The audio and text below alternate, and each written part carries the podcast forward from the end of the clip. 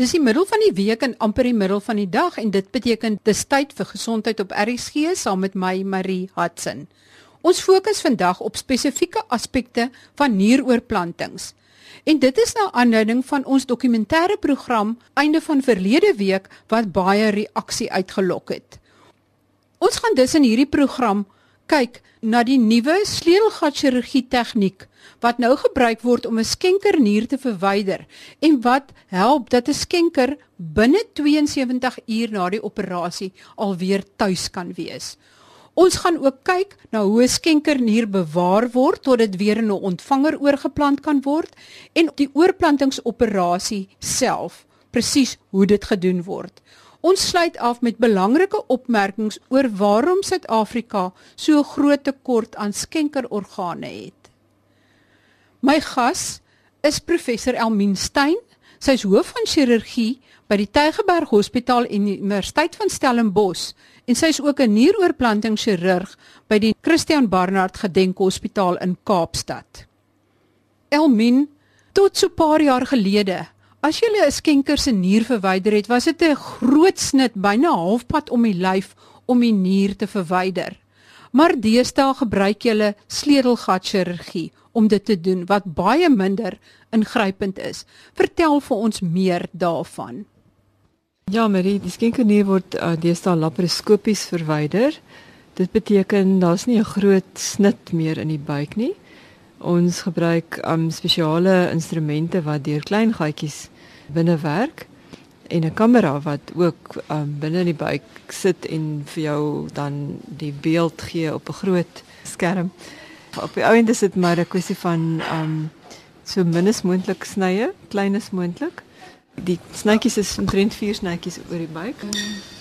Ek weet dit is klein snytjies. Jy sê skielik okay. wat chirurgie, so ja. wat is die eerste snit? Wat is die eerste ding wat jy insit? Ja, die eerste snit is gewoonlik om die kamera aan te sit en dis rondom die naaltjie. Dis omtrent 'n 1 en 'n half cm snytjie, twee snytjies, miskien 2 cm. En dan word daar drie ander klein snytjies gemaak ook so 'n sentimeter. Een is meer aan die aan die kant en die ander een is meer in die bobuik in die middel en miskien nog een aan die kant met daai gaatjies word die instrumente ingesit in die buik en dan terwyl die chirurg kyk op die um, skerm word die operasie gedoen en binne in die buik is dit nog steeds dieselfde groot operasie so die nier word losgemaak en die bloedvate word geïdentifiseer en hulle word een vir een um, spesiale uh, klemme aangesit en dan word die nier verwyder deur 'n klein insisie net bo die pubis, so dis laag op die buikwand in ehm um, in die posisie waar keisersnit gedoen word, maar 'n baie kleiner snytjie van so ongeveer 4 cm. En dis waar die nier verwyder word. Die nier word eintlik sodra dit losgemaak is van die bloedvate, word dit in 'n sakkie gesit en die sakkie het 'n toutjie aan en die toutjie word dan getrek na buite deur die die die insisie of die snit net suprapubies. So die snit wat laag af is, ook bo kan die blaas is eintlik 'n minder pynlike snit as enige ander area waar mens sny wat 'n beter litteken het. As die nier verwyder word deur hierdie laassnit, dan kan pasiënte baie vinnig weer opstaan en normale aktiwiteite hervat. Voorheen was die snit amper helfte om jou lyf gewees. Ja, dit was 'n baie lang snit in in die flank in die in die sy en wat van voor na agter rondom die sy gegaan het. Dis waar die nier sit. En die nier is baie diep geleë, so dis ook om 'n groot snit nodig is dat mens kan bykom. Maar dis nou nie meer nodig nie. Maar jy moes ook toe deur 'n klomp spier laas sny en daai snit of daai operasie het ook tog op die ou ende nie komplikasies nie, maar gevolge gehad. Ja, nee, dit is so. 'n Groot sny is um, in die eerste plek meer pynlik, vat lank om te genees. Mense bly lank van die werk af op tot 6 weke. En baie keer is daar gevolge soos breuke en so aan wat kan gebeur as gevolg van daai groot snit deur die spiere. Met die nuwe tegniek is dit 'n klein snit, dis op 'n baie beter plek, minder pynlik, minder litteken, minder risiko vir um breuke. Die pasiënt is baie vinniger terug by die werk. Maar ek sou aanneem dat 'n chirurg wat dit so doen, moet nogal vaardig wees want jy werk nie blind nie, maar jy kyk op 'n skerm om te sien waar jy is wat is die kritieke punte in daai operasie waar jy miskien die bloedvat afklem of wat presies is die kritieke punte? Want dit is tegnies baie moeilik.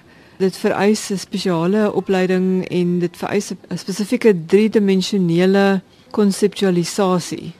So die persoon wat dit wat die operasie doen met hulle self oplei om die driedimensionele effek wat die kamera nie altyd gee nie om dit te kan konseptualiseer. So dis oog-hand-koördinasie plus 'n spesiale aanvoeling en is iets wat mens kry met met baie oefening om te werk in een area en te kyk op 'n skerm.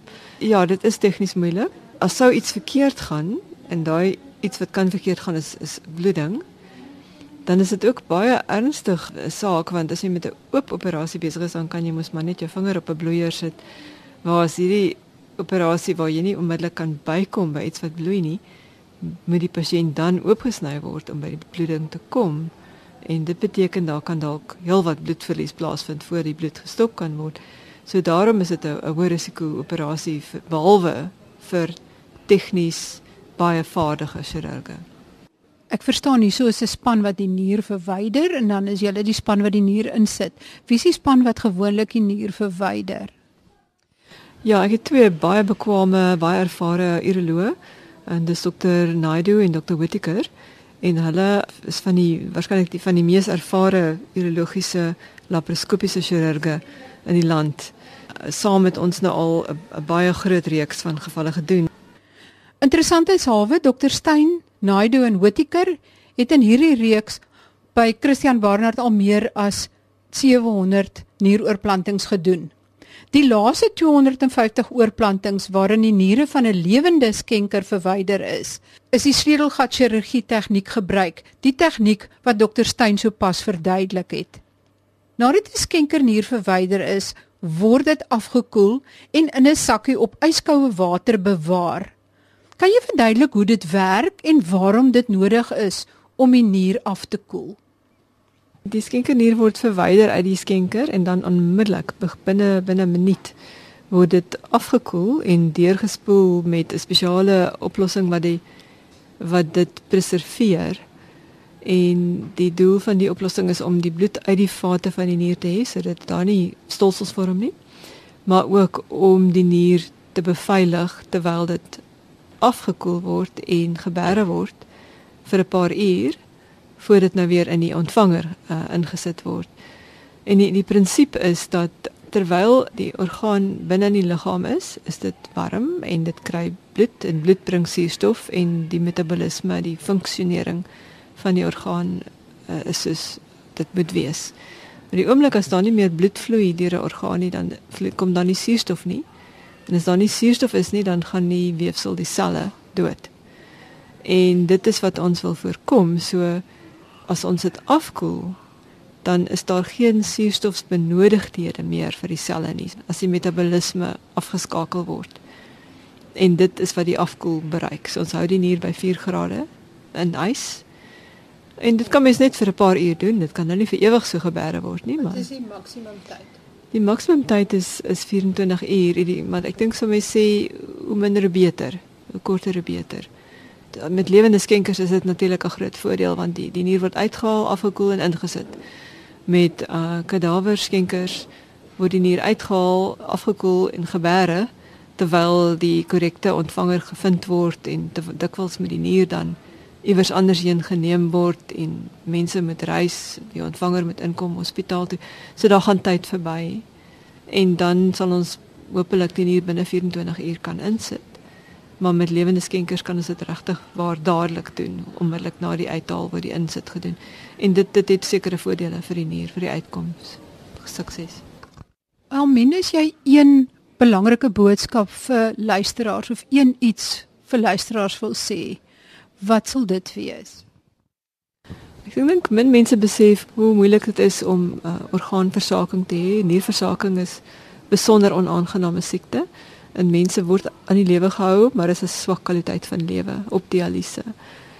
Tydens nierdialyse word 'n pasiënt 3 tot 4 keer 'n week vir 3 tot 4 ure op 'n keer aan 'n nierdialyse masjien gekoppel wat dan die toksine uit sy bloed verwyder, soos wat sy niere sou doen.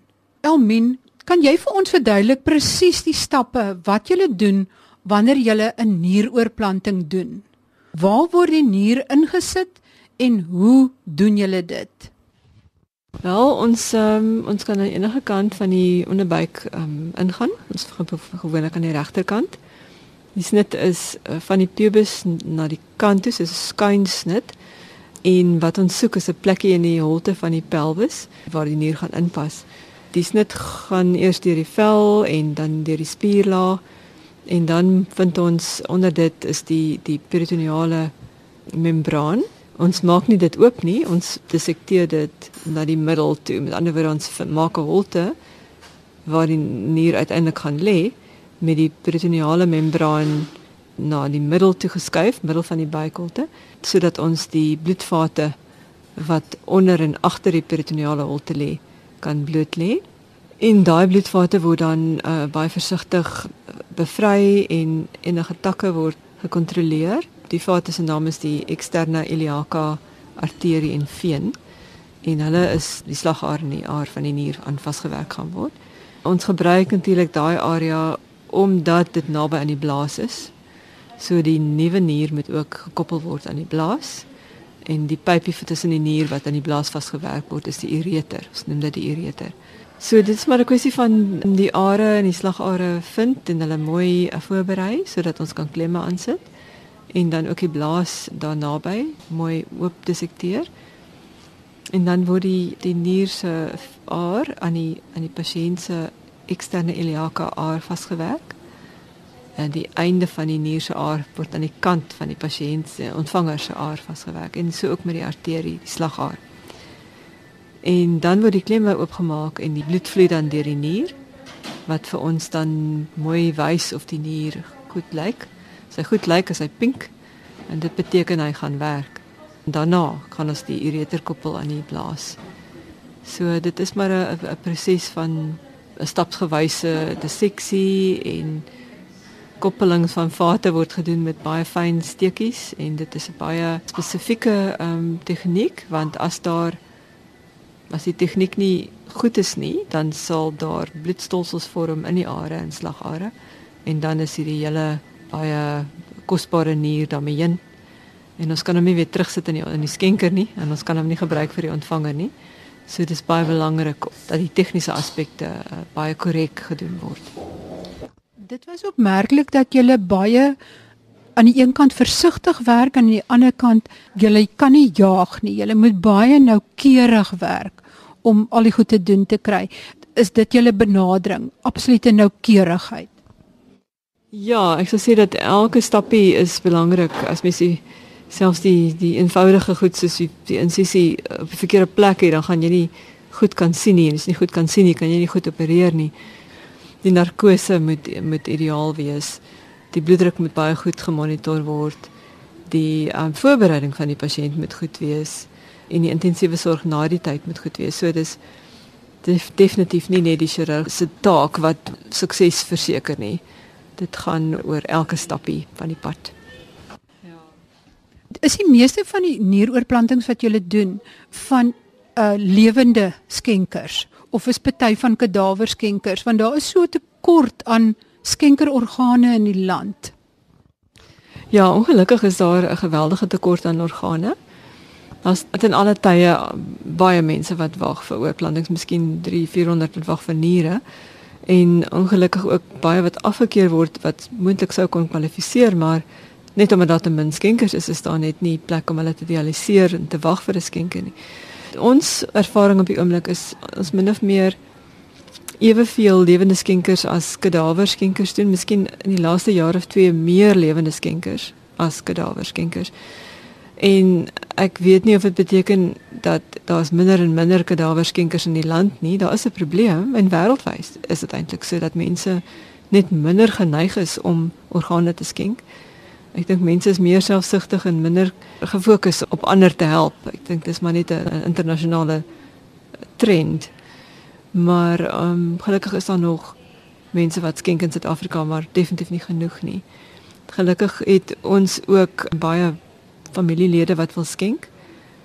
Maar dan is dit ook so dat baie mense nie familie het wat kan skenk vir hulle nie. En partykeer is dit omdat ehm um, hulle juis 'n siekte wat in die familie is, soos dis polisistiese niere wat dikwels 'n hele familie betrek, so die familie kan nie skenk nie al wil hulle. En ander redes hoekom hulle nie kan skenk nie is as daar bloedgroep uh, nie ooreenstemming is nie of as die ander lede van die familie dalk suiker siekte of hoë bloeddruk het en hulle kan nie skenk nie. So mense wil graag help, maar dit baie keer kan hulle net nie. En ander het net nie iemand wat kan skenk nie. En dan moet hulle maar wag vir 'n vir 'n kadaver skenker. Dit beteken iemand moet doodgaan en hulle organe moet geskenk word. Dink jy dit sal ooit help as dit word soos in Spanje of nou ook in Nederland waar mens outomaties 'n skenker is tensy jy jouself by die munisipaliteit gaan aanmeld en jou naam van die lys afhaal dat jy nie meer wil skenk nie. Ja, dit is 'n interessante stelsel wat in in baie Europese lande wel daar is. Ons reken dit gaan nie so baie verskil maak in ons land nie. Die groter probleem hier is dat mense nie verwys nie, veral mediese personeel. Dis die een ding en die ander ding is dat jy kan nie aanvaar dat almal skenkers is as almal nie opgevoed of ingelig is oor orgaanskenking nie. So mense kan uit 'n etiese oogpunt in Europa waar die populasie waarskynlik almal wel ingelig is oor orgaanskenking, kan jy aanvaar hulle sal skenk tensy anders aangedui. In Suid-Afrika is 'n groot deel van die populasie glad nie ingelig oor orgaanskenking nie. So uit 'n etiese oogpunt kan ons glad nie aanvaar dat hulle sal wil skenk aan want hulle het nie die geleentheid gehad om te dink daaroor nie. So hulle kon hulle self nie so genaamd afval van die lys af nie want hulle weet nie daarvan nie. En dis waar die groot uh, challenge is. In die waarheid die verskil tussen lande so Spanje wat baie suksesvol is met orgaanskenking en ons wat uiters swak is met orgaanskenking is dat in Spanje dit is 'n outomatiese ingesluite goed befondste stelsel van regeringskant. So elke hospitaal het 'n orgaan koördineerder wat betaal word deur die regering. Daar elke uh, hospitaal het mense wat orgaanskenking bevorder en wat wat die um, publiek inlig en opvoed oor hierdie saak en dis alles sentraal gefund deur die regering. So dit is nie asof daar geld tekort is om om hierdie dinge te doen in daai lande nie waar in ons land is daar tekort aan geld vir die bevordering van orgaanskenking. En ongelukkig is dit 'n bietjie kortsigtig want nou betaal die regering vir al hierdie mense op dialyse waar ons weet dat ehm um, as iemand eers 'n oorplanting gehad het dan is die onkoste minder daarna. So ons voel dat as daar meer geld um, in die allocasie vir gesondheidsorg ingaan in die opleiding en bevordering van orgaanskenking, dan sal ons meer oorplantings kan doen en dan sal meer mense hê wat nie op dialyse moet te bly nie. En dit sal goed wees vir die gesondheidstelsel want ehm um, dit sal koste spaar. Maar dis waar die waar die Europese lande ons ver vooruit is. Hulle die amptelike provinsiale en nasionale gesondheidstelsels maak voorsiening vir orgaanskenkingsbevordering in in elke aspek daarvan. Wat dink jy is die rede waarom dokters nie verwys nie? Is hulle te besig of is hulle net nie lus vir die ekstra moeite nie? Ja, daar's verskeie redes. Um dis natuurlik moeilik uh, om toestemming vir die familie te vra. Dis nie aangenaam nie. Um die tweede rede is dat die hospitale is te vol. Daar's nie beddens vir mense wat breindood is en wat moet geventileer word en wat in 'n basies in 'n intensiewe sorg situasie gehanteer moet word tot en met die organe verwyder word nie. So in meeste van ons groot hospitale waar daar moontlik sulke ehm um, potensiële donors is, is daar 'n baie ernstige tekort aan intensiewe sorgbeddens en beddens in die algemeen. So dat as iemand breindood is, dan daar's nie 'n bed om daai persoon te versorg tot wel die organe verwyder kan word nie. En um, die filosofie is as iemand amper breindood is, is daar nie eers 'n bed nie. Dit kom daarop neer dat as daar te veel pasiënte is vir die fasiliteit, daar's nie genoeg beddens en fasiliteite in teaters nie, dan word net die met die beste prognose behandel. En ongelukkig is die wat neig na breindood die swakste prognose by definisie en hulle kry nie beddens nie. Al minus jy een belangrike boodskap vir luisteraars of een iets vir luisteraars wil sê, wat sal dit wees? Ek dink min mense besef hoe moeilik dit is om uh, orgaanversaking te hê. Nierversaking is besonder onaangename siekte. En mense word aan die lewe gehou, maar is 'n swak kwaliteit van lewe op dialyse. En daar's so 'n eenvoudige oplossing vir hierdie siekte. En as die persoon kwalifiseer vir 'n oorplanting, is dit 'n fantastiese oplossing. Dit is baie suksesvol. Mense word ten volle gerehabiliteer. Hulle gaan terugwerk toe. Hulle staan hulle plek in die samelewing vol. En ongelukkig is daar net een probleempie en dit is dat hierdie hierdie spare part is 'n nier en niemand kan nog 'n nier vervaardig nie. En ons het iemand anders 'n nier nodig. En in werklikheid is daar baie mense wat doodgaan in ons land wat wel hulle organe sou kon skenk. En ons wil graag hê dat almal hulle self bereid maak om hulle organe te skenk sou dit so wees dat hulle doodgaan met organe wat nog bruikbaar is en wat hulle definitief nie meer gaan nodig hê nie dan uh, sal ons baie dankbaar wees as meer mense daaraan dink om orgaanskenkers te word. Elke jaar wag so wat 4500 mense op 'n orgaanoorplanting, waarvan die meeste nieroorplantings is. Maar jaarliks word daar maar so wat 400 tot 500 oorplantings gedoen. Dis is daar baie mense wat wag en wag op 'n oorplanting en baie van hulle sterf voordat die oorplanting gedoen kan word. Na aanleiding van ons dokumentêre program het ek baie reaksie gekry. Ek gaan net 3 van die reaksies noem, want dit is mense wat wag op 'n nieroorplanting. In Klerksdorp is Dylan Lourens 16 jaar oud in die Tsepong Hospitaal en wag op 'n nieroorplanting. Maar sê Linda van Stilfontein, in staatshospitale is die waglys vir oorplantings 2 jaar. Hy het 'n seldsame niersiekte, nefrotiese sindroom. Dan is daar nog 'n reaksie van 'n luisteraar. Ons familie is weens polisistiese niere ook gekonfronteer met nierversaking. My vrou se broer is reeds meer as 7 jaar op dialyse. Ten spyte van alle pogings om 'n nier te kry, was dit egter onsuksesvol. Dit sluit in familie as skenkers in. Dit is van Vanus Huystek van Jeffreys Bay. Dan skryf Okkert van Tabazimbi. Ons seun is ook in die Kaap en kry elke maandag en woensdag en vrydag by Tygerberg Hospitaal dialyse want albei sy niere het gaan staan. Hy wag ook lank vir 'n skenker en is maar 23 jaar oud. Ons kan nie eens vir hom gaan kuier nie en hy kan nie na ons toe kom nie. Hy kan nie hier dialyse kry nie. Ek wil alle luisteraars uitdaag om orgaanskenkers te word en as hulle 'n geliefde verloor, daaraan te dink dat iemand op 'n nieroorplanting of 'n hartoorplanting of 'n ander orgaanoorplanting wag.